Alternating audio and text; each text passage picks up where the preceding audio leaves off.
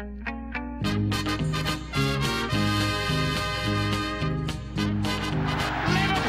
are champions of Europe again. Liverpool are prize winners again. Liverpool is in the record books.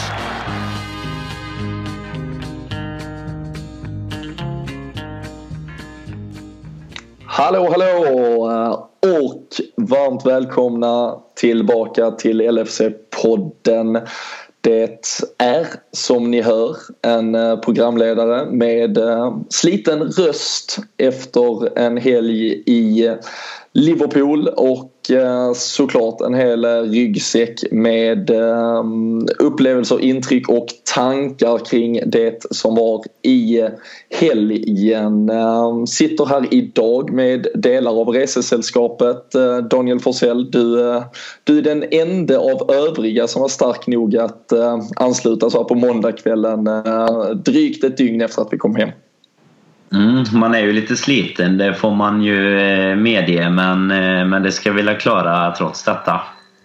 Och eh, för att säkerställa fullständigt nyktra ögon på det som hände i, i lördag så Fredrik Eidefors, du ansluter också och vi tre har ju, vi har ju en trygghet tillsammans så det känns väl gött? Ja det känns alltid bra. Jag, jag satt och tänkte det, vilka är det som överlever en sån här resa egentligen? Och det är ni två som har gjort det. De andra vet vi inte riktigt så mycket om än. Eh, men eh, vi får se nästa vecka om de har vaknat till liv eller inte. Mm, eh, vi kan ju säga det var ju annars eh, Kalle Sundqvist och eh, Jocke Lundberg som var med här. Ehm, Kalle, dagen till ära så här liksom bara ett par timmar efter man har landat från Liverpool skulle börja eh, nytt plugg idag. Eh, gratulerar vi honom till. Och eh, Jocke skulle jobba ett 13 timmars pass så kan tänka mig att han är ganska mör. Men vi ska såklart i vanlig ordning ta oss igenom den här matchen som har varit. Vi ska prata om eh, det som inte ser ut att hända på transfermarknaden. Vi kommer såklart prata om Southampton-matchen som väntar i returmötet här av ligacup-semifinalen. Och så ska vi väl försöka kanske att nudda vid till och med FA-cupmatchen som eh, kommer om eh, ett par dagar då lite längre fram till helgen. För sen är det ju Chelsea som är nästa Premier League-match som väntar i nästa vecka och den ser vi till att vi har återkommit med ett nytt avsnitt inför. Men eh, i vanlig ordning såklart så gör vi detta tillsammans med eh, LFC.nu. Svenska supporterklubben återfinns ju kontinuerligt där. Ni hittar alltid senaste nytt och värt att nämna absolut senaste nytt Lazar Markovic avbryter ju sitt lån i Portugal och går på lån till Hall istället ska vi säkert nudda lite sen. Men eh, annars lite krönikor smått och gott. Jag har själv rutat några ord under dagen så eh, in på lfc.nu. Håll utkik alltid vad som händer och bli medlem såklart. Men Danne, vi får väl börja någonstans med eh, vår eh, helg tillsammans. Eh, vi kan väl börja lite kort med hur en sån här eh, helg brukar se ut. Vad, vad är det som får en att uh, åka på de här eh, resorna? Varför är, det, varför är det så gött att vara på plats i Liverpool? Mm, det kan man ju ställa sig frågan när vi fick se vad vi fick se på plats. Men eh, nej, det är väl egentligen eh, någonting med hela upplevelsen i sig som faktiskt gör det lite mer drägligt att till och med ta en sån här förlust. Eh, trots att du nämnde att Eidefors kanske får se på det med nyktra ögon. Det låter ju knappt som jag gör det när jag säger att det är drägligt efter en 2-3 hemma mot Swansea. Men eh, det är ju en riktigt härlig gemenskap när man eh, är över där. Och vad är det som gör också att uh, vi, vi satt ju, vi kan väl ursäkta oss lite för att det heller inte blev fullt den aktiviteten vi hade hoppats på på Twitter, kanske någon livepodd till men man var ju inte på sitt bästa humör efter slutsignalen. Men vi hann ju få ut ett eh, kort avsnitt dagen innan. Och sen så går man ju alltid liksom, visserligen nu var det ju Swansea och jag kan väl tycka att man med rätta ska få känna att det här vinner vi lätt. Men eh, när man sätter sig på puben, på Descendon, The Park, var man nu är inför match. Man, man, man tror ju oavsett egentligen form på Liverpool så, så där och då får man ju känslan att vi, vi kommer ju vinna detta. Där, där är ju något eh, magiskt på något sätt som ligger i luften. Ja, jag har nog aldrig varit där med negativ känsla om jag ska vara ärlig inför eh, någon livematch eh, någonsin och det är väl hela känslan både ända från att du stiger upp på morgonen efter en vad som brukar vara en ganska sen kväll och kanske bara några få timmars sömn innan man tar sig upp, eh, får i sig någon eh, någon sorts korv och lite bönor som det brukar vara i England. Och så, eh, denna gången hade vi dessutom tidig match och det är ju redan halv ett engelsk tid. Då, så att, vi var ju uppe tidigt och, och laddade upp lite på Sandön innan, innan vi då hamnade på ett kallt Anfield var det ju den här gången. Ett eh, fullständigt snorkallt eh, mainstand. Vi satt ju och eh, för vår del då invigde också nya läktardelen.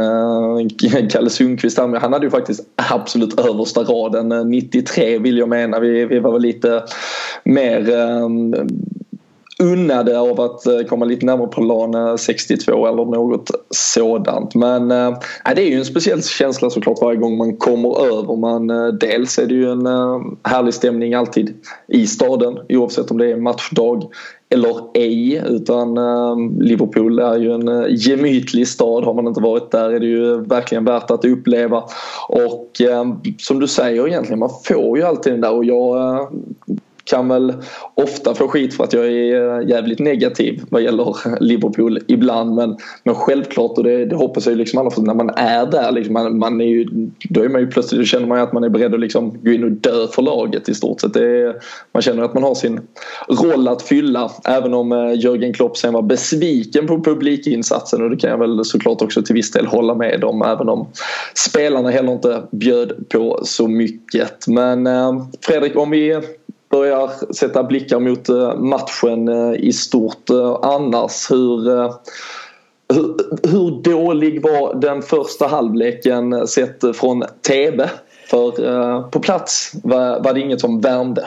Nej, det, vi har varit lite på tok för många sådana där sömntabletter på sistone måste jag ju säga. Eh, trots att vi har tillbaka en Coutinho, vi har eh, vi har ändå tillräckligt med kreativitet och anfalls eh, liksom, power för att kunna göra någonting. Men eh, jag vet inte om ni kommer ihåg eh, från förra avsnittet. Jag lyfte faktiskt ett varningsfinger för, för den här matchen trots allt. Du ville visserligen ha fel men jag var lite orolig inför den här och det var just för att eh, eh, Visst, vi har kanske försvarat oss helt godkänt men eh, var inte, jag visste att någon gång skulle det hända snart och jag kände på mig att det var nästan den här matchen. Ehm, och därför var ju en sån här första halvlek nästan inte vad vi behöver utan det hade ju behövt vara en 2-0 halvtid eller något för att verkligen komma igång för oss. Så det var ju, var ju inte riktigt så den här gången. Nej. Danne, vi, vi satt ju som sagt eh, dagen innan. Vi hade ju pratat om det till och med tidigare i poddsammanhanget här och, och på något sätt pratat startelva och vi, vi fick väl egentligen se det som förväntades. Men, eh, men, men samtidigt på något sätt så ser vi även det som, vi kan ju inte klaga på Klopp på det sättet för han ställde ju ut vad vi också trodde och kanske vad vi också tyckte var det bästa laget. Men, men är det att är det just nu en låsning kring vårt spel eller är det liksom att faktiskt för många spelare på samma gång verkar vara ur form, liksom ha tappat den här lilla gnistan som fanns där. För, för det var egentligen ingen som Framförallt om vi tittar till första 45 som, som stack ut. Du hade ju, vi hade inte längre någon udd på en Lalana Coutinho uppenbarligen inte redo. Var, Hur är känslan och, och, och varför blir det så låst som det blir just nu? Nej, alltså jag tycker ju att det känns som att det är väldigt många som är ur form på en gång. Vi satt ju själva, eh, du hade ju bland annat Sväfa med dig där också som redan efter två, tre minuter påpekade att Jordan Henderson hade slått eh, två stycken felpassningar. Och vi började väl lite se efter eh, det han hade sett. Och det, det fortsatte i oräkneligt antal tyckte jag. Och vi hade många som verkligen inte kommer upp i den toppen som de, eh, som de gjorde här under hösten. Då. Om det nu beror på att vi har haft mycket matcher eller om det beror på någonting annat. Det, det vet jag faktiskt inte men jag tyckte väl inte att det kändes som att alternativen som vi har på bänken, det pratade vi som sagt om innan matchen med i den här livepodden med Starwich och Rigi. De har ju inte heller visat någonting på sistone som gör att någon av dem hade varit ett bättre alternativ. Så det, jag tror faktiskt inte att det hade spelat någon roll om vi hade startat på något annorlunda sätt utan det är någonting annat. Någonting, någon mental spärr känns det som just nu eller om det nu är att de är slitna. Jag, jag vet faktiskt inte riktigt vad som. vart eh, trubblet sitter. Just den mentala biten tycker, tycker jag känns som ett, ett, ganska stort problem just i de här matcherna där det har låst sig och det inte känns som att vi får ut någonting. Och det, jag kollar ju, vi kollar ju alla som sagt mycket fotboll, man kollar andra lag och så vidare. Men det känns som att Liverpool-spelarna framförallt, som du nämnde där med Henderson, alltså börjar man inte bra så känns det som att Liverpool-spelarna de låser sig och de kommer aldrig riktigt ur det där och liksom kan vända på sitt eh, så säga, framträdande och göra en, plötsligt göra en jättebra andra halvlek till exempel. Utan det känns som att det, det liksom följer med hela matchen och att de tänker på att de kanske har slått en felpassning eller tappat bollen på något farligt läge och det känns som att det hela tiden ja, följer med dem in i 90 minuter egentligen och aldrig liksom vänder på steken. Och det, det är oroväckande ska jag säga framförallt när man eh, när matchen är så lång och det borde finnas en halvlek till att vända på det. Och det, det känns bara som de gör det och det kanske har att göra med antingen då som du säger formen eller om det, det bara är att de, de har problem med den mentala biten och är slitna. Det, det är ingen som vet det förutom Klopp eller laget i sig. Vi, ehm, det är ju ganska egentligen, eh, vi har lite intressant eh, statistik som man kan titta till för vi pratade ju, vi har tidigare pratat om att december är en så intensiv månad. Egentligen är det ju faktiskt, det, egentligen det startar ju bara där kring jul och sen är det egentligen januari som, som är den månaden där det verkligen biter, eh, biter tag och ställer verkligen spelare och trupper på prov och vi har ju på gott och ont på så sätt. Har också varit framme i ligacup semifinal minst här tre säsonger i rad vilket, vilket ju ger två matcher eh, i, eh, i januari. Och sen så har vi lite olyckligtvis då denna eh, månaden så fick vi ett omspel spel i, i FA-cupen men, men vi har ju faktiskt de senaste åren, tittar vi tillbaka till förra året så vann vi bara en match, ska vi säga, förlåt mig, jo en match i Premier League i januari. Det var den här galna eh, tillställningen mot Norwich eh, där vi vann med 5-4.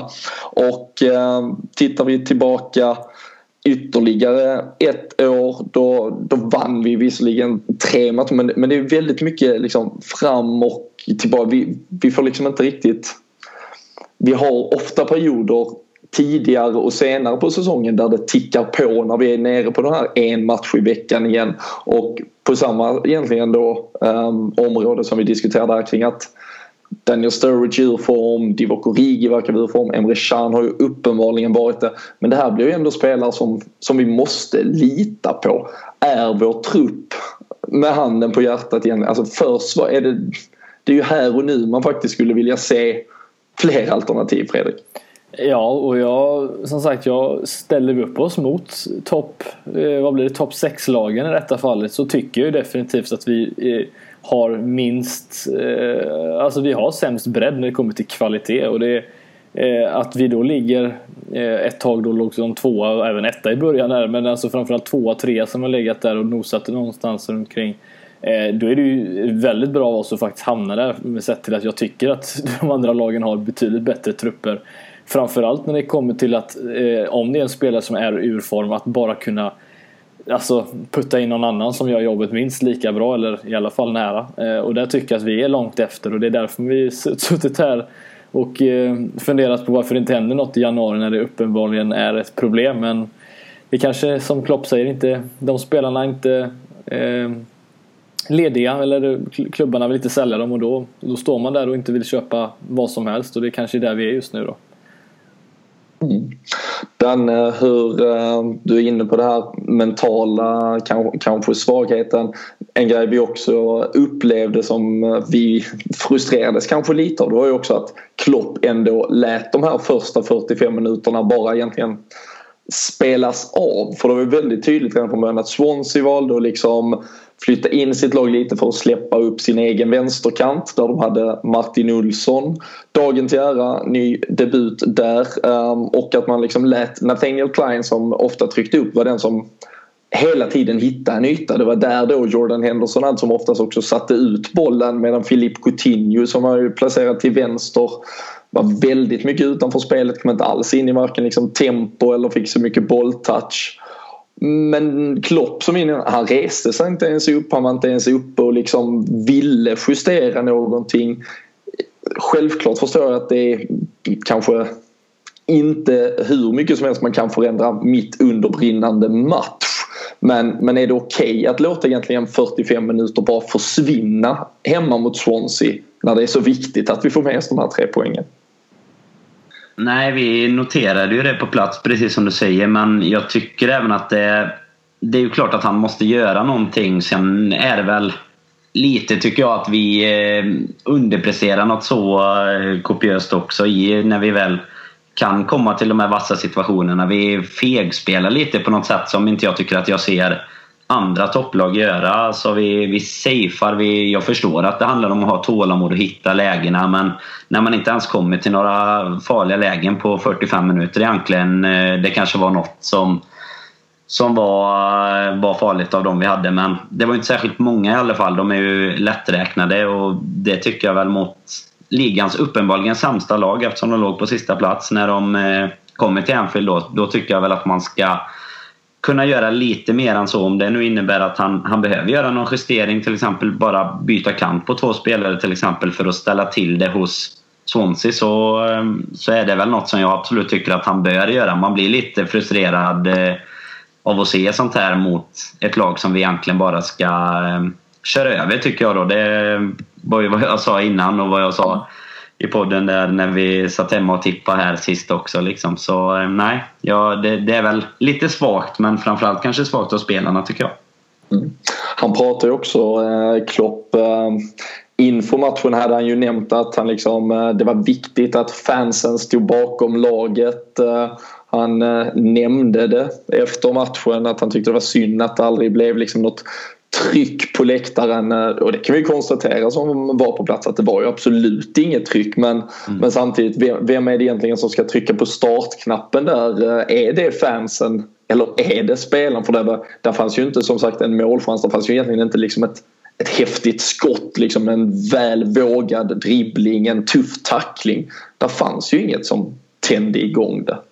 Men han kanske är lite bortskämd alltså från Dortmund-dagarna när det kommer till det också. Eh, tror du inte det? Att han, eh, han är ju så van att alltid ha publiken bakom sig på ett, ett, liksom ett helt unikt sätt som ingen annan klubb eller väldigt få klubbar har. Och jag vet inte jag har aldrig hört liksom, på, ja, det är väl nu när Klopp har kommit till ligan, annars har jag aldrig hört en Ancelotti eller en Mourinho eller Wenger liksom klaga på publiken särskilt ofta. Det är väl bara Klopp som jag på senare tid faktiskt har märkt egentligen göra det. Jag vet inte om det är, det är en taktik att få oss att gå igång eller vad, vad grejen är. Men det känns som att han uppenbarligen eh, är det som liksom driver honom framåt. Och det, men är det, är det liksom okej okay att han är För jag tänker på att liksom lagen som ligger i topp idag det är ju ett Arsenal och ett Chelsea som har kanske ligans absolut tråkigaste och tristaste ja. hemmaarenor där det egentligen är totaldött långa stunder.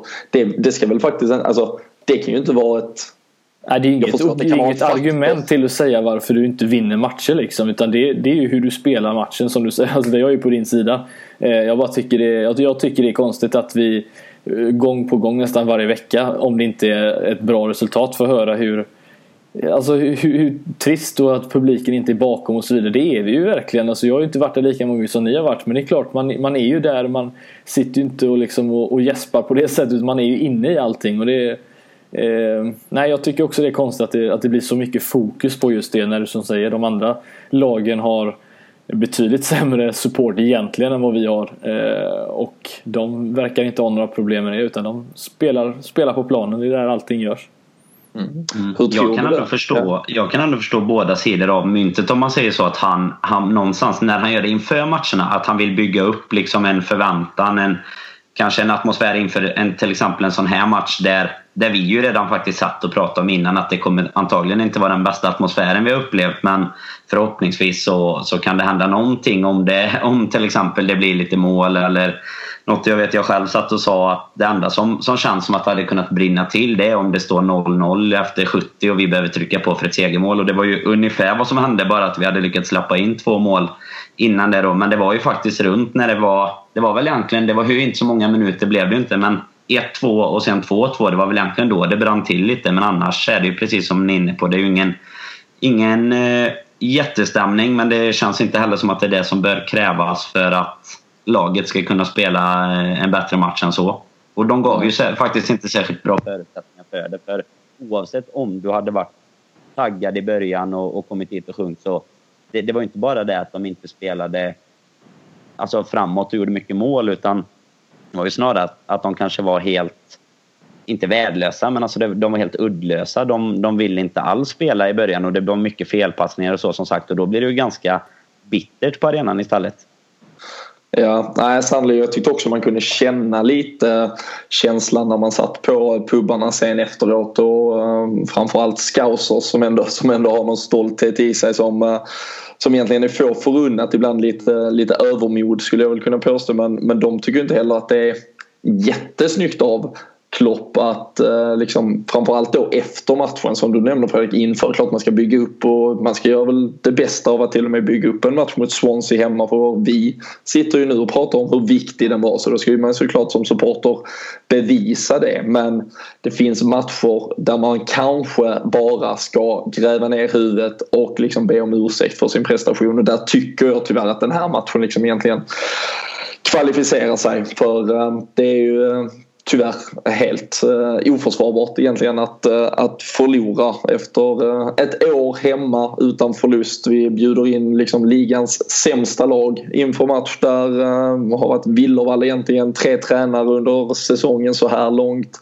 Ett par nya spelare visserligen som bara inkastade i en startelva men ett försvar också som i övrigt har varit fullständigt eh, ja, katastrofalt igenom. Och, och vi har ju faktiskt haft två matcher nu mot Swansea där vi har haft lite problem och där kan man väl tycka att vi bör bör ha haft fler nycklar eh, för att kunna låsa upp det här. Eh, till andra halvlek så var det egentligen, man hann ju knappt sätta sig innan det var 2-0 eh, Swansea. Vi, kort kan man väl gå igenom målen där men det, där är ju också, det är ju, det är ju så slarvigt. De har ju inga chanser Fredrik och ändå gör de till slut tre mål. Ja, de, de har alltså tre skott på mål tror jag räknat ihop eh, statistiken mm. efter och de gör tre mål. Och han räddar ju inga, inga skott i detta fallet, Mignolet.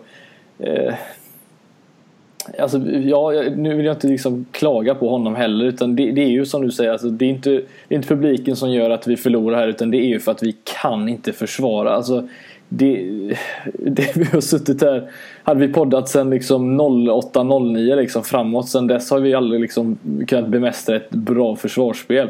Ehm, och, och, det är ju, jag vet inte riktigt hur vi ska få ordning på det heller. Och, eh, det är som sagt en stor anfallare som är bra på huvudet kommer alltid att skada oss. Men jag säger det återigen som jag sagt tidigare. Då får man se till att stoppa inläggen innan de kommer in och det gjorde vi definitivt inte.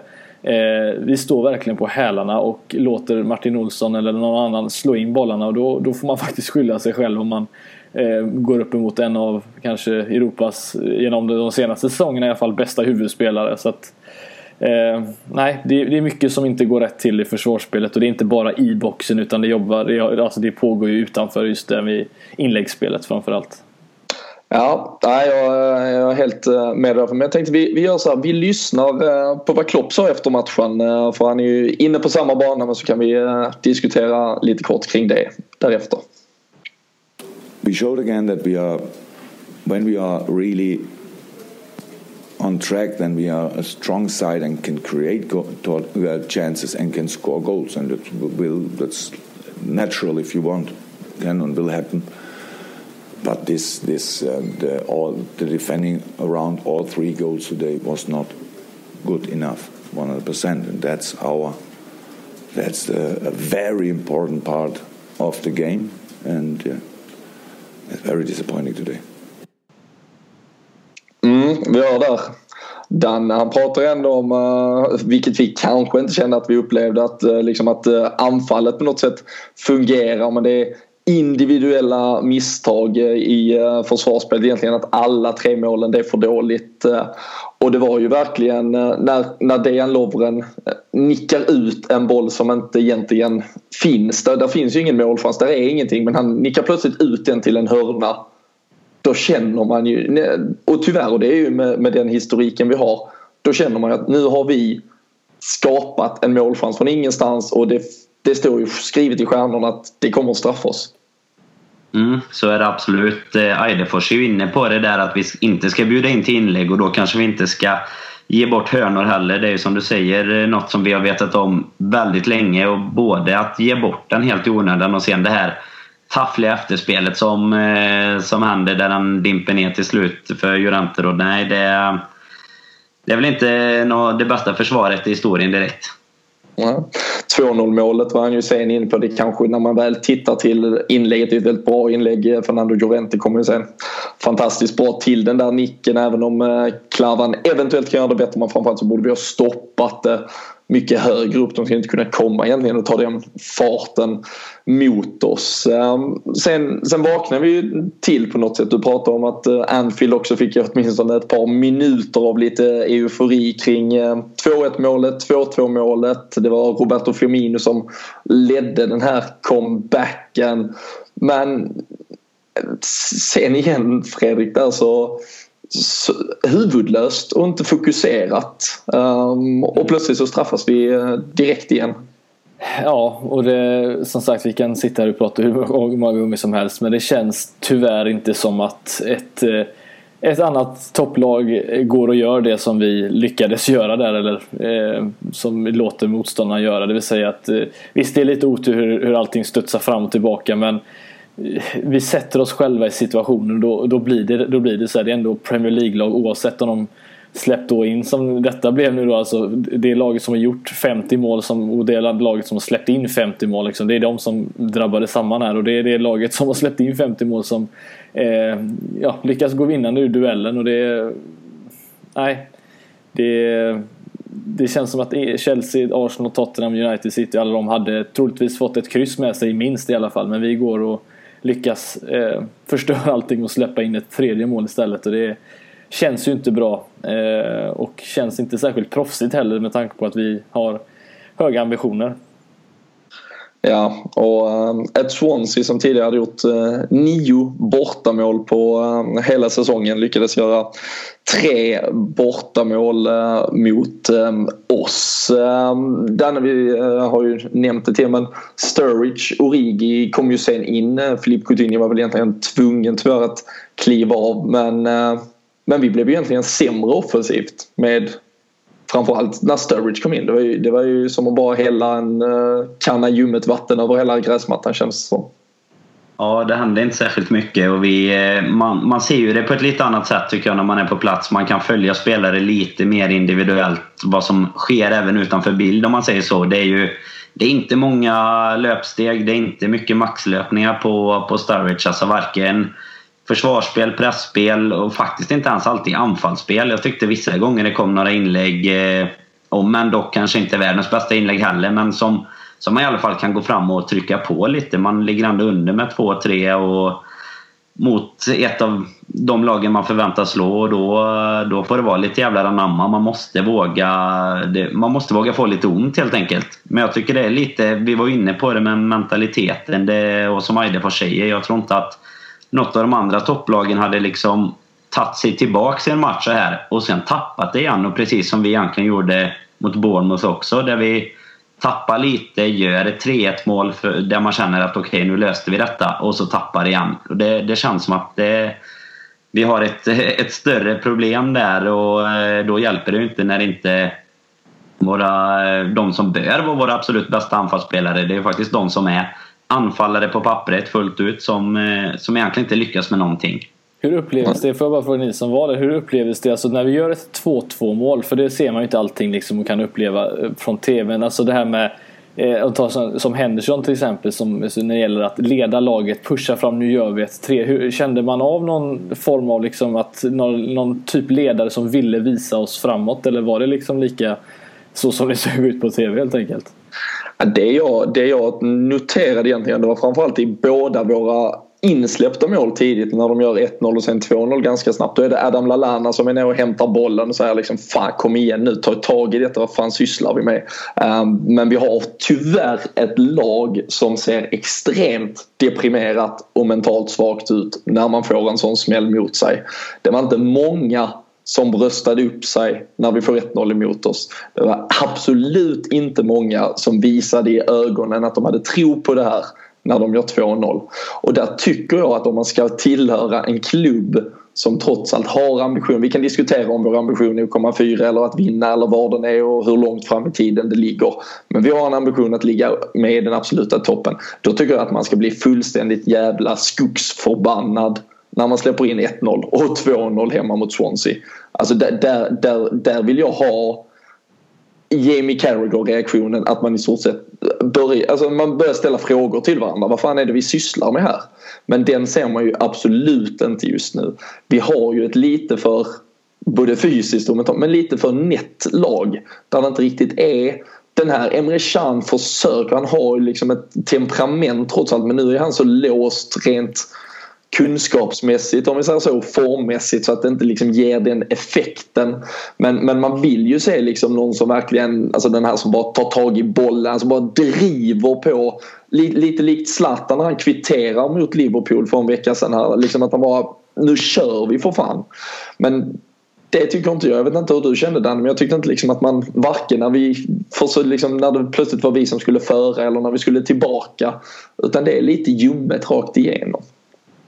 Nej, jag instämmer helt i det. Det var egentligen det enda. Jag noterade inte så mycket under egentligen just själva matchen men jag märkte samma som du är inne på faktiskt, Lalana som stod egentligen inför matchen och gick igenom och liksom eh, kände som att han gick runt och peppade alla och så tog eh, och liksom verkligen försökte köra igång det från start även om det, det gick som det gick med. Men det, precis som du säger, det känns inte som att det är någon egentligen som, som bryr sig. Det är mest eh, rycka på axlarna och, och se uppgiven ut nästan när vi släpper in mål. Och det, det, är ju långt ifrån det vi vill se. Det är som du säger, man, vill ju, man hade gärna haft 11 stycken Carragher som eh, står och skriker på varandra i stort sett när vi släpper in den typen av mål vi gör dessutom. För eh, även om andra då kanske är det som och vad ska man säga, är minst dåligt då där eh, Lloranti får komma upp och eh, där vet vi ju att det är en farlig spelare helt enkelt.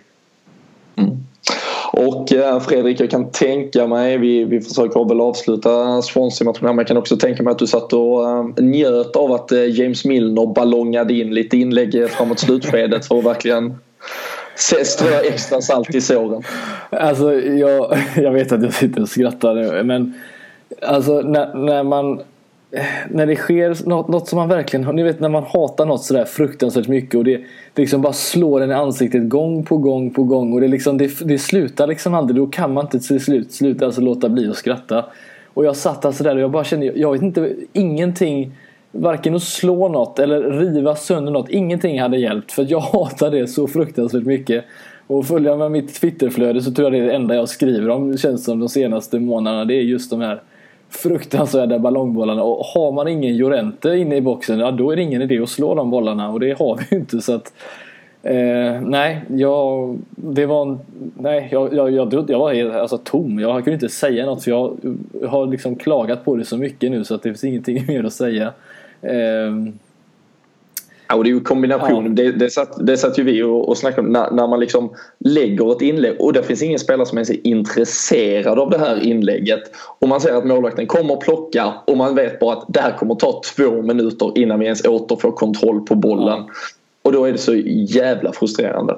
Och det är faktiskt inte riktigt så. Det pratar vi däremot om på plats. Eftersom Swansea visar ju så extremt lite. Alltså i det vanliga öppna spelet visar de så extremt lite liksom vilja att spela någon form av liksom konstruktiv anfallsfotboll. Det fanns ju inte. Det var ju liksom lite omställningar, de högg på misstag och så här.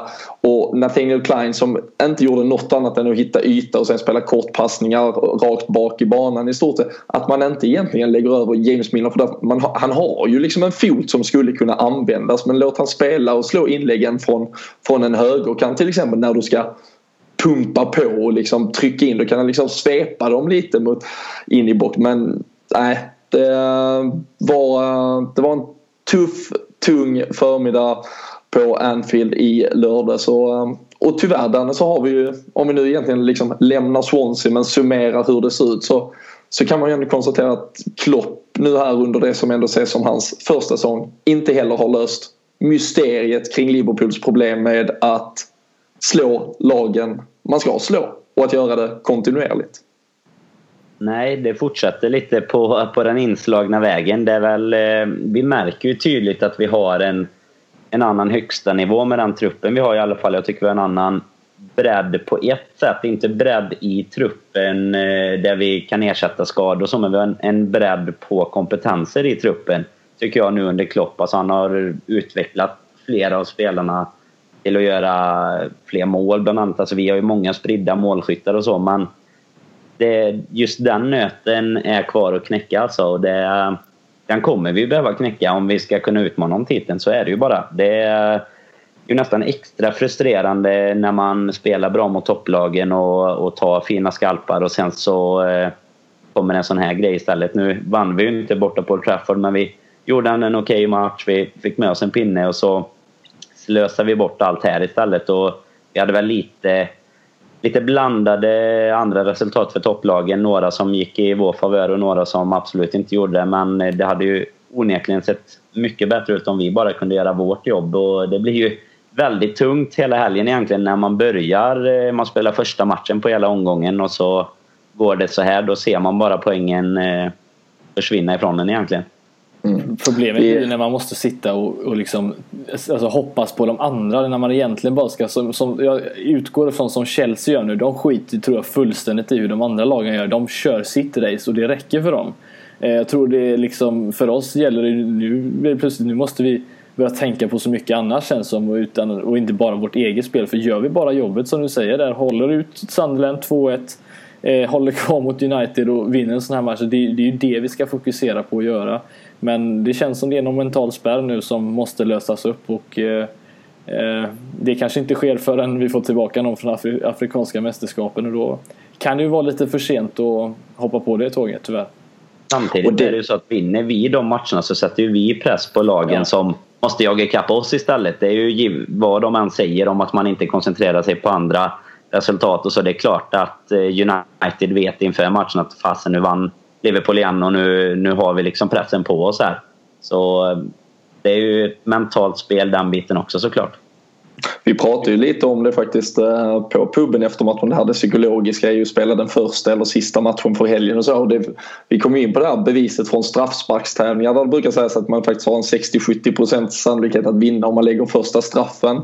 Och det bör man kunna ändå leda till det här med om man spelar den tidiga lördagsmatchen, vinner, sätter press på sin motståndare och så vidare. Och eh, sen blir det ju såklart snöpligt en helg där liksom, om än att United tappar poäng, de vinner ändå en poäng liksom, eh, långt in på tilläggstid. Arsenal vinner ju poäng uh, fullständigt bisarrt vinner, snor poäng snarare.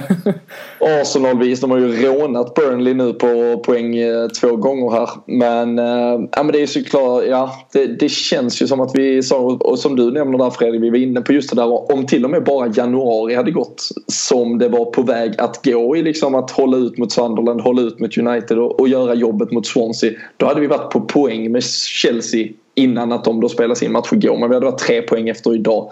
Så det är liksom inte, den har inte, säsongen har liksom inte runnit oss ur händerna vid något specifikt tillfälle. Det är liksom bara att vi plötsligt så blir det två, tre matcher där vi liksom tappar. Det var liksom inte nog med Bournemouth eh, för ett par månader sedan utan då kom West Ham direkt. Så det, det, blir ju tyvärr liksom totalt sett så håller ju inte det i längden och eh, det hade väl varit intressant kanske att slänga ut omröstningen igen. Jag vet ju för en vecka sedan så var det ändå 68% som trodde att vi skulle komma tvåa, trea, ta en direktplats till Champions League. Men eh, bara 8% som trodde att vi skulle kunna missa topp 4. Nu, eh, nu ligger vi ju på en eh, hårsmåns eh, marginal bara på den rätta sidan där så eh, kanske hade varit lite mer skeptiska tankegångar och eh, man kan väl också konstatera nu när du nämnde det därför att man är ju faktiskt egentligen den enda spelaren. Joel Matip är ju tillbaka. Man hade nog kunnat argumentera för att han skulle ha kastats rakt in i startelvan där mot Swansea. Men annars är det ju inte spelare som saknas längre. Utan nu har vi ju faktiskt också de flesta tillbaka. Och då är det ju snarare som vi har nämnt formen, brist på formen. Och eh, att det uppenbarligen verkar vara många spelare som just nu inte riktigt finner sig till rätta på planen. Och eh, kan man då inte prestera även när nästan alla är tillbaks? Då tycker ju jag spontant att man bör se sig om efter förstärkningar. Um, Steven Gerrard uh, kan vi ju nämna kort. Han är ju tillbaka i klubben för det första. Det ska vi, ju, vi har ju lovat en Steven Gerrard special under säsongen. Det börjar närma sig nu när vi vet vad han ska syssla med framöver. Men uh, han var ju ute i veckan och det jag tänkte mest på egentligen Danne det var att nu slog även han ett slag för Virgil van Dijk. Uh, som ett specifikt exempel på en mittback som hade kunnat förstärka oss. Men eh, det är inte bara poddpanelen som sitter och skriker efter förstärkningar men eh, skulle Får vi se Jörgen Klopp eh, förändra sig eller eh, är det hugget i sten att det är det här gänget som ska jogga hem säsongen? Han var ju ute idag, eller om det var igår, här och pratade lite om att eh, de faktiskt försöker att ta in en del spelare men att klubbarna inte vill släppa just dessa specifika spelare utan att nämna några namn. Men jag vet inte, jag, det känns väl inte... Vi har ju diskuterat det lite innan i och för sig att man kanske inte ser lika mycket de här senaste fönstren precis vad som kommer hända men det, det hade ju definitivt varit en blixt från en klar himmel om det inte var typ van Dijk eller någon som var på väg. Annars så är det ju väldigt snålt med, med rykten och, och sånt också.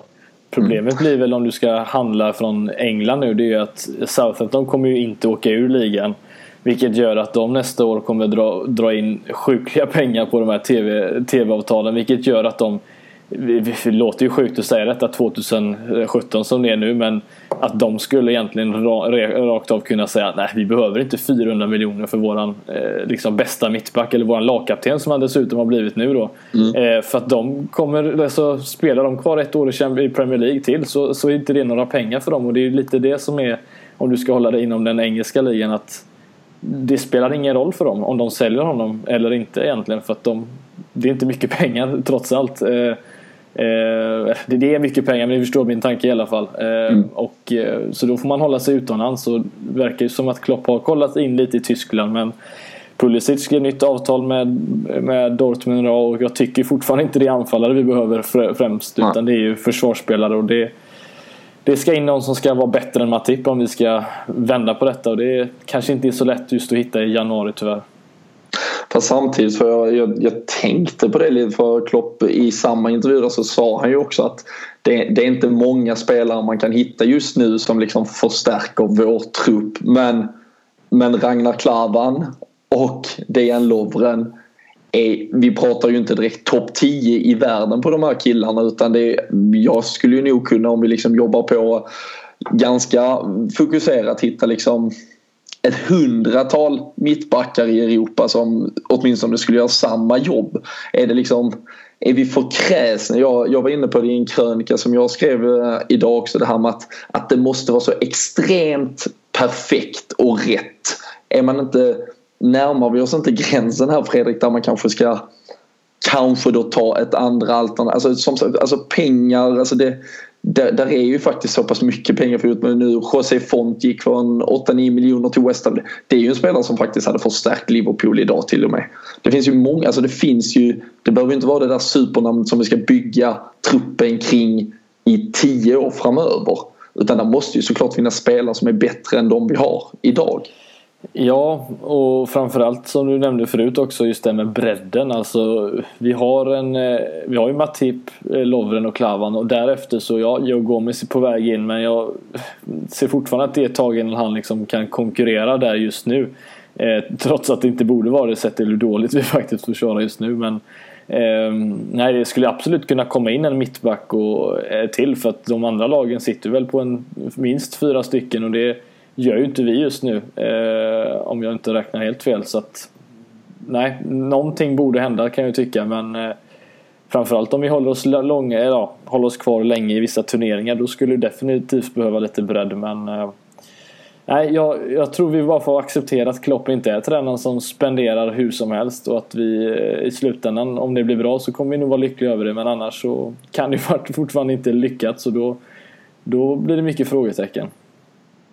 Så eh, ja, sannoliken. Det ehm, kanske är eh, Klopp förhoppningsvis som då eh, skrattar både bäst och sist och, och bevisar att hans tro till materialet är det som ger ett slutresultat. Men viktiga tio dagar framför oss nu Danne. Vi börjar egentligen en, eh, en resa här där vi ska dunka av eh, tre olika cuper, ligor. Vi har som sagt semifinalreturen mot Southampton här i veckan.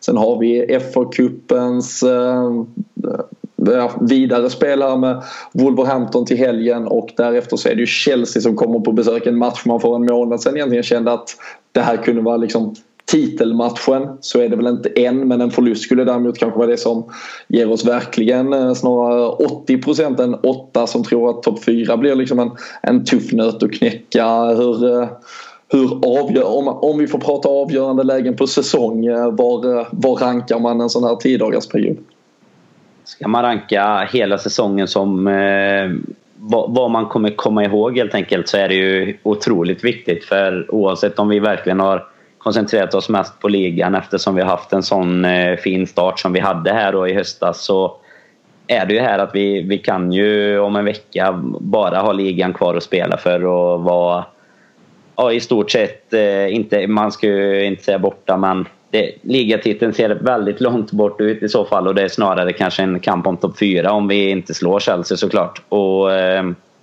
samma där med kupperna då om vi inte tar oss vidare.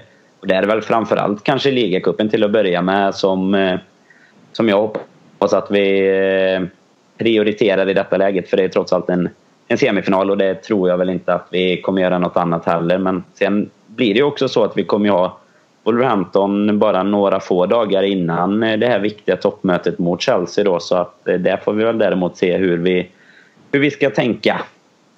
Det, vi, vi, kan ju nämna det kort men det, det lär ju återigen med tanke på hur truppen ser ut och att spelare liksom eh, kämpar lite med att komma till sin rätta. Vi lär ju se ett ganska roterat eh, lag återigen där mot Wolverhampton. Eh, det har väl Klopp varit ganska tydlig med på något sätt också att uh, han, uh, han kommer välja uh, sina, sina matcher så att säga. Men Fredrik om man skulle, om vi skulle leka med den väldigt, väldigt negativa tanken att, att vi skulle åka ut ur ligacupen och att vi skulle förlora mot Chelsea vilket gör att det kommer ju sluta med att säsongen och liksom våren här blir en verkligen liksom enbart en kamp om fjärdeplatsen. Tittar man inför säsong så är det ju liksom att vi kämpade om Champions League-platsen säkert. Det hade man ju varit nöjd med på något sätt och det var ingen som liksom ställde något krav kanske på att vi skulle vinna en cuptitel heller. Men är det okej? Okay? Hur känner du kring det här med att man liksom under säsong faller tillbaka på att vad förväntningarna var innan säsongen? Är det, är det liksom, skulle det inte kunna vara liksom, är det plötsligt är det okej okay att liksom se det som lyckat ändå eller har man liksom, behöver man ändra sin förväntningsstege utefter vad som händer och plötsligt så är vi ju snarare liksom en match ifrån en final. Vi är liksom en seger mot Chelsea från liksom återigen kanske börja slåss om de där framskjutna positionerna.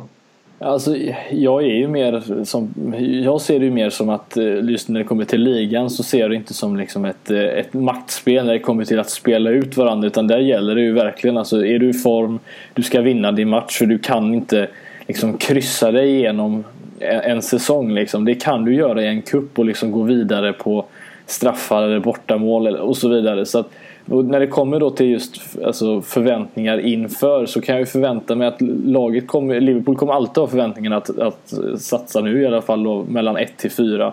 Men jag tycker definitivt inte det är någonting man ska falla tillbaka på för att det kan ske så mycket förändring under matchen eller under säsongen. Det kan vara skador, det kan vara avstängningar, det kan vara egentligen vad som helst. Så att jag tycker egentligen bara att tuta och köra när det kommer till det här och så, så skiter man i alla de här förväntningarna inför. För det eh, som jag nämnt tidigare så, så tycker jag att vi är liksom på, på pappret eller på förhand ligger efter våra konkurrenter men att vi då hamnar över dem möjligtvis då, då har vi gjort någonting rätt i alla fall men jag tycker definitivt inte man ska liksom tänka på dem eh, det på förhand och, och liksom tänka tillbaka till det sen utan man ska bara tänka framåt och ingenting annat. Mm. För där, vi, vi pratar ju lite om det här Danne den, eh, eftersom vi har spenderat eh, helgen tillsammans. Ett Manchester City och ett Manchester United var väl liksom i somras kanske till och med då förhandsfavoriterna till att slåss om titeln. Men, men nu har det visat sig att vi under långa stunder har presterat bättre än dem då kan man väl faktiskt inte liksom summera säsongen om ett halvår och säga att ah, det, vi kom efter dem men det tänkte vi ju redan från början. Nu måste ju vi liksom vara de som faktiskt, det har ju visat sig att vi var bättre, då måste väl förväntningen ändras utifrån det också. Då eh, gör jag i alla fall. Jag reviderar, tycker jag, mina förväntningar nästan hela tiden men det tycker jag med all rätta också för jag tycker absolut som Majdefors är inne på, man kan inte gå tillbaka liksom och, och, tycka nu, nu kanske det har gått eh, över förväntan då istället och då får vi väl sätta våra förväntningar efter det för då har vi ju bevisat vad vi kan göra. Eh, samma med kuppspelet. Vi har bevisat att vi kan ta oss vidare. Då kan vi lika väl gå hela vägen så sett med. Det är väl först egentligen om vi sitter där i, i augusti liksom när eh, vi ska gå in i typ Champions League eller Champions League-kval. Om man då kan sitta och vara nöjd med föregående säsong, det är väl en annan femma. Men tycker absolut inte att under säsong eller direkt efter säsong att man kan känna att nej men det var ju det var ju i alla fall ungefär som vi trodde för 8, 9, 10 månader sedan. Liksom. Så där är jag med er helt att eh, det, man sätter väl förväntningarna efter hur det ser ut just nu helt enkelt. Jag, jag kan ju bara instämma. Eh, det är, eh, det är helt min tanke också. Och jag tycker liksom det är lite det supporterskapet handlar om. Att som du nämner att man reviderar förväntningar, man ändrar sig. Det, det händer ju saker i, i alla klubbar. Det visar sig att någon spelare är fullständigt ur form. Det visar sig att någon manager inte alls får det att fungera. Då plötsligt så, så, så förändras ju den där vågskålen och, att, och då måste man ju såklart också sätta sätta förväntningarna till både nästa match och resten av säsongen utifrån eh, det. Men eh, väldigt, väldigt viktiga tio dagar framför oss eh, som sagt och vi tar ju ett pitstop åtminstone där mellan Wolverhampton och Chelsea och, och snackar upp den lite extra förhoppningsvis. Så har vi då även dels slagit Southampton men också med marginalen som krävs för att eh, ta oss till final. Vi eh, har ju som sagt det här returmötet mot Southampton, ligacupens semifinal av allt att döma. Det är ju ett eh, United i, på andra sidan som har slått Hall redan med 2-0 vid första mötet. Där bör väl åtminstone gå in som väldigt stora favoriter och ta sig vidare till final. Så det är ju också verkligen en drömfinal för Liverpool så alla supportrars del som ligger i i potten här. Men 1-0 förlorar vi med första mötet och eh, vi behöver då som sagt både vinna men även vinna med marginal här Fredrik för att lösa detta. Ehm, våra lyssnare 24% tror att vi inte ens lyckas vinna matchen. Åker ut eh, såklart då på grund av det. 15% tror att vi vinner men inte med tillräcklig marginal. Vi har den här unika regeln att bortamål inte räknas första 90 så att säga. Så det kan ju stå 2-1 till Liverpool och då kommer det spelas en förlängning. Men skulle det sen stå 2-1 även efter förlängningen då visar det sig plötsligt att Southamptons bortamål är eh, värt tillräckligt mycket för att ta dem vidare. Sig. Eh, och eh, 60% dock, eller 61% tror att vi vinner tillräckligt och eh, tar oss vidare. Hur, eh, hur är din känsla? Ja, känslan är att eh, Southampton såg bra ut senast. Jag såg honom spela och eh, det gjorde inte vi. Eh, och jag vet att Klopp har pratat miljontals gånger om det här med att komma in till en match arga. Liksom, det är hans sätt att komma, alltså hans approach. Liksom, att mycket energi, mycket ilska, spela på känsla. Eh, jag tycker inte riktigt att vi har kommit in till de matcherna med den ilskan som han efterfrågar. Så jag, jag är lite, lite rädd för det här att vi kommer bli så som du nämnde först. Där att kanske blir en 2-1 seger och sen så lyckas vi inte hela vägen ut. Eh, men jag, jag tror vi vinner matchen i alla fall, det tror jag. Mm. Vi har ju ett eh, Southampton här som eh, vi har mött dem en gång tidigare i ligan. Vi har mött dem två gånger borta då denna säsongen. 0-0 först, en 0-1 förlust då senast. Vi har alltså fortfarande inte gjort mål mot Southampton denna säsongen. Och eh, Southampton nu den har hållit nollan också de tre senaste matcherna. De har ju också varierande kuppspel här men slagit Norwich i FA-cupen. De eh, slog ju oss då i ligacupen, slog Leicester nu senast 3-0. Eh, vårt anfallsspel, det, det är ju inte helt Eh, liksom väloljat med tanke på Filip Coutinho nyss tillbaka. Adam Lallana spelar inte riktigt i position kanske. Och eh, som sagt nu fick de plötsligt igång sitt eget målskytte rejält här också. Och där har ju vi problem med. Är du överraskad att 61% tror att vi liksom joggar hem det här? Nej, jag är ju själv en av de som har klickat på den så att jag får väl stå, stå för det. Men ja, ja, eh, det du nämner att de har gjort lite mål och inte släppt in så mycket nu det var ju eh, vi ska ju tacka vår lyckliga stjärna så att säga med för att vi kom undan skulle jag säga med en 1-0 förlust från första mötet. Vi hade ju lika gärna kunnat vara over and out nu redan eh, i kuppen. Och det är väl lite det som gör att jag känner att eh, det, det, känns trots en förlust liksom så känns det på något sätt lite eh, bra att eh, det blev ändå bara 1-0 och eh, nej jag tror att vi ska lösa det. Och jag tror väl att våran räddning kan vara att de eh, de kanske har, har lite, vad ska man säga, de har lite form med sig. De kommer kanske våga gå lite framåt också och förhoppningsvis eh, inte kikat på hur eh, Swansea bara ställde sig på egen planhalva och vi bara spelade runt i backlinjen. Mm. Samtidigt Fredrik, eh, vi släpper in tre mål mot eh, Swansea. Vad är det som får dig att tro att vi eventuellt då inte släpper in 1, 2, 3 mot Southampton vilket skulle göra uppgiften väldigt, väldigt små. Ja, de har inget fyrtorn. Det är väl det som är i detta fallet. Nej, men, eh, jag, jag, jag, tror bara att det, det, känns eh, Liverpool, den här logiken med att man kan gå på, på, just när det kommer till form och sånt där. Att man går och vinner tre raka och så vidare. Nu har vi gjort det och hållit oss eh, förlustfria ganska länge ja, innan detta då. Eh, men jag känns, det känns bara på känslan att Liverpool kommer, det är dags nu liksom. Att vi ska, vi ska få möta United i en final och vi ska Eh, för jag utgår från, även som du sa, att de kommer ta sig vidare. Och det är dags nu och därför tror jag att det. Eh, ja, men vi kommer vinna den på grund av att det bara, det bara är gjort att vi ska möta United i en final helt enkelt. Mm. Ja, vi får väl, ehm, och här har ju återigen har ju Klopp pratat om liksom eh, fansens eh, inverkan. Det här känns ju mer som en eh, läktarmatch. Eh, Den, vi var ju på eh, tillsammans faktiskt i maj då Europa League semifinalen när vi hade ett underläge mot Villarreal som gick in i inför då hemma returen. Lite lik situation här och, och då var det ju verkligen ett Anfield som kokade. Tror du vi får se det här mitt i veckan också? Jag hoppas ju verkligen det. Jag har läst lite på Twitter om att de vill köra igång någon lite välkomnande till bussen och så. Det känns väl som att sådana grejer också kan hänga med in på Anfield efteråt såklart. Där sjungs det ju och hurras och firas eh, redan innan match i stort sett. Så det, eh, det hoppas jag att det blir och jag tror väl att med våran Liverpool-logik så får vi väl se detta som en stor match och det ger oss bra chanser i alla fall. Mm. Ja, så är det ju. Vi har ju lite bättre eh, statistik eh, där i alla fall.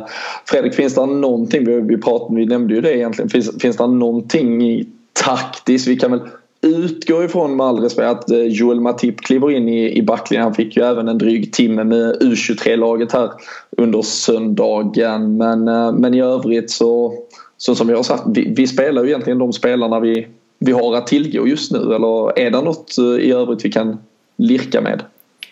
Alltså det skulle ju vara om man eh, på något sätt skulle ändra om lite informationsmässigt. Vi har ju faktiskt sett trots det mot, jag tror det var mot Tottenham va? Vi körde med eh, två anfallare om jag inte minns helt fel. Det var Sturridge och Origi i den matchen. Jag tyckte att vi eh, löste alldeles utmärkt. För jag, jag litar inte på, på, eller jag gillar inte att ha Formin ute på kanten och jag gillar inte att ha Sturridge i laget. Så jag vet inte riktigt hur man ska lösa detta. Men eh, något taktiskt skulle ju vara egentligen att eh, få in en till eh, liksom, striker liksom, i boxen när det kommer till att pressa dem på det sättet. För det var, det var inte alls mycket eh, vi, ja, det var inte alls mycket vi kunde göra särskilt mot, eh, mot de senaste. Det var väl ett läge tror jag Firmino hade mot dem. Sen var det inte så mycket. Mm. Men det var ju bara deras 6-7 lägen som var.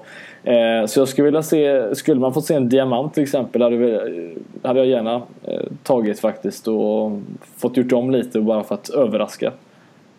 Mm. Är det Daniel Sturridge du skulle vilja få in eh, till förmån för Emre Can kan jag tänka mig då till exempel? Ja men alltså, visst jag, vi har tryckt ner honom för att han inte har varit bra så att säga. Men han har ju funkat bra när han spelar med någon upp till när han inte är ensam just. Och därför tror jag absolut det hade kunnat vara ett alternativ att ha honom där. Han är ju en farlig anfallare, det vet vi redan. Hans målrekord säger ju det. Eh, mm. Så de två där uppe, om man skulle haft en Coutinho där eller en Lalana eller hur man nu vill liksom formatera om allting men eh, jag tror definitivt eh, att vi skulle kunna skada dem på det sättet med tanke på att eh, vi kommer få se dem parkera lite buss, måste, skulle jag gissa.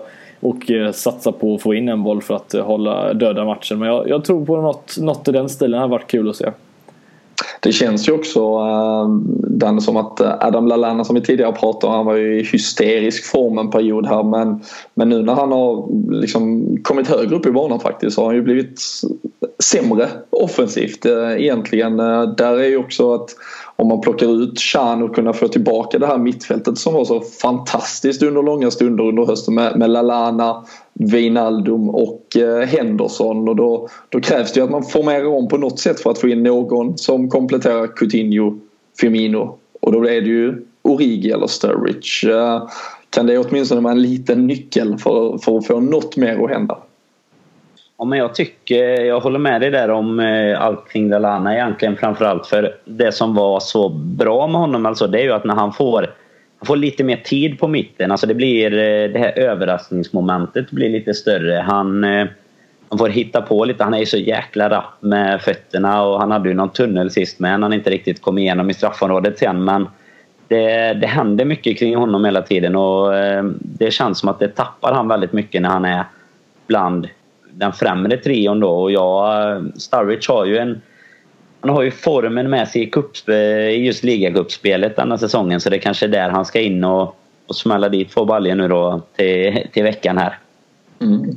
Jag, jag, jag håller, håller med er i många delar. Framför, framförallt så, så skriker jag väl lite för att Emre Can inte längre har något att uh, göra i startelvan. Även om då Divo Origi och uh, Daniel Sturridge tyvärr inte kanske får det att vattnas fullständigt i munnen. Men antingen exakt den uppställningen Fredrik är inne på. De har då spelat ett tvåmannaanfall med Firmino, Sturridge och har Coutinho bakom och ändå får då en, ett tremannamittfält med Henderson, Wijnaldum, Lalana. Eller att man ändå behåller det där tremannamittfältet men att man kompletterar en central Firmino med Coutinho och Origi på så att säga kanterna om man säger så. Origi stod ändå för en helt okej okay arbetsinsats mot United i, i den rollen och, och, kan ju överraska. Men sen hoppas jag verkligen att Klopp också agerar om vi ser att det inte fungerar och, eh, och vågar lite. Som sagt, våra, våra ytterbackar, där finns, där finns förändringar tillgå. Eh, ser vi framförallt ett Southampton som inte är så intresserade av att spela en anfallsfotboll så, så tycker jag att vi ska liksom våga bli det här laget som bara bestämmer sig för att vi ska trycka ner eh, Southampton och eh, ja, då, jag tror också att man, man genom injektioner av att liksom visa det här att vi, vi vill verkligen vinna det här. Vi kommer göra allt för att vinna det. Vi ska göra mål i alla fall. Då, då kommer man också få med publiken. Man kommer skapa den här hysterin som eh, han är ute efter. Men jag är väl lite rädd för att vi, att vi släpper in mål och, och då kommer det bli tufft. Men eh, jag, jag vågar nog inte uttala mig kring om det blir eh, omöjligt. Ehm, ja, jag vet inte. Fredrik, vågar du lägga något eh, tipp? Även om du då tror att vi, vi klarar det kanske i slutändan. 3-1. Snyggt. Förlängningsmål? Eller vi har ja, gjort, jag tror det blir förlängningsmål. Snyggt. Ja, men det, det kommer en riktig nagelbitare helt enkelt. Ja, det ser vi fram emot. Danne, din känsla? Jag är nog inne lite på samma som Eidefors där, men 2-1 under matchen och sen... Eh, det, det, är nästan bara fram till 90 jag vågar gissa. Sen om vi vinner och lyckas få in något eller om de lyckas hålla ut och ta sig vidare på den här lite sjuka regeln som du är inne på med bortamålet där. Så eh, jag säger 2-1 på 90 minuter för alla bettare då i alla fall. Mm.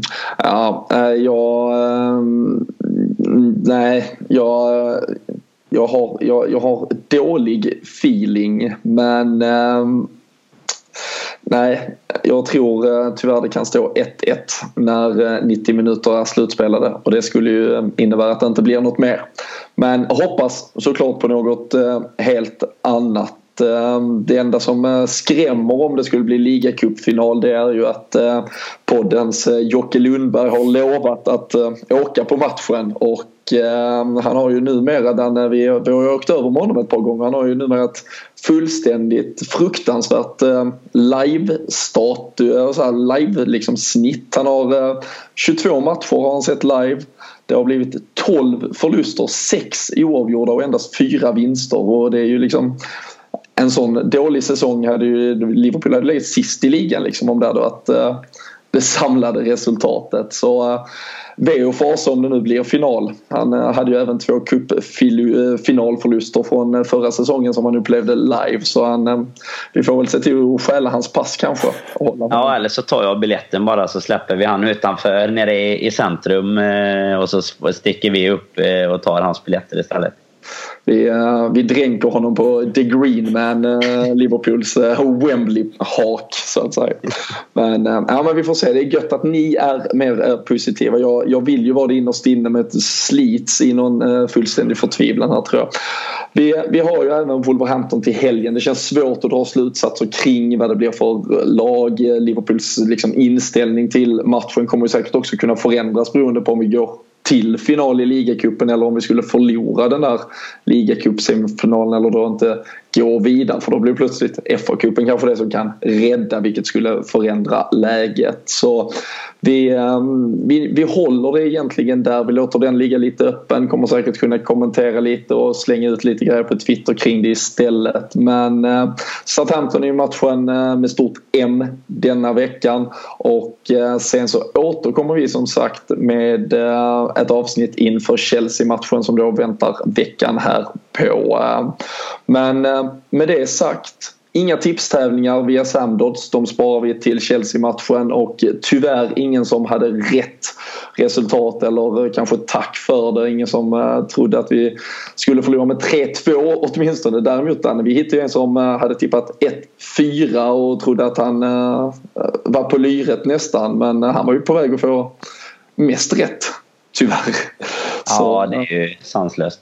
ja. Men eh, håll utkik, det kommer som sagt till Chelsea. Vi kommer tillbaka med ett eh, avsnitt inför det också. Men eh, tills vidare så eh, önskar vi alla en fantastisk vecka och eh, att vi såklart tar oss förbi Southampton och eh, fixar den där drömfinalen. Men eh, vi hörs, ha det gott!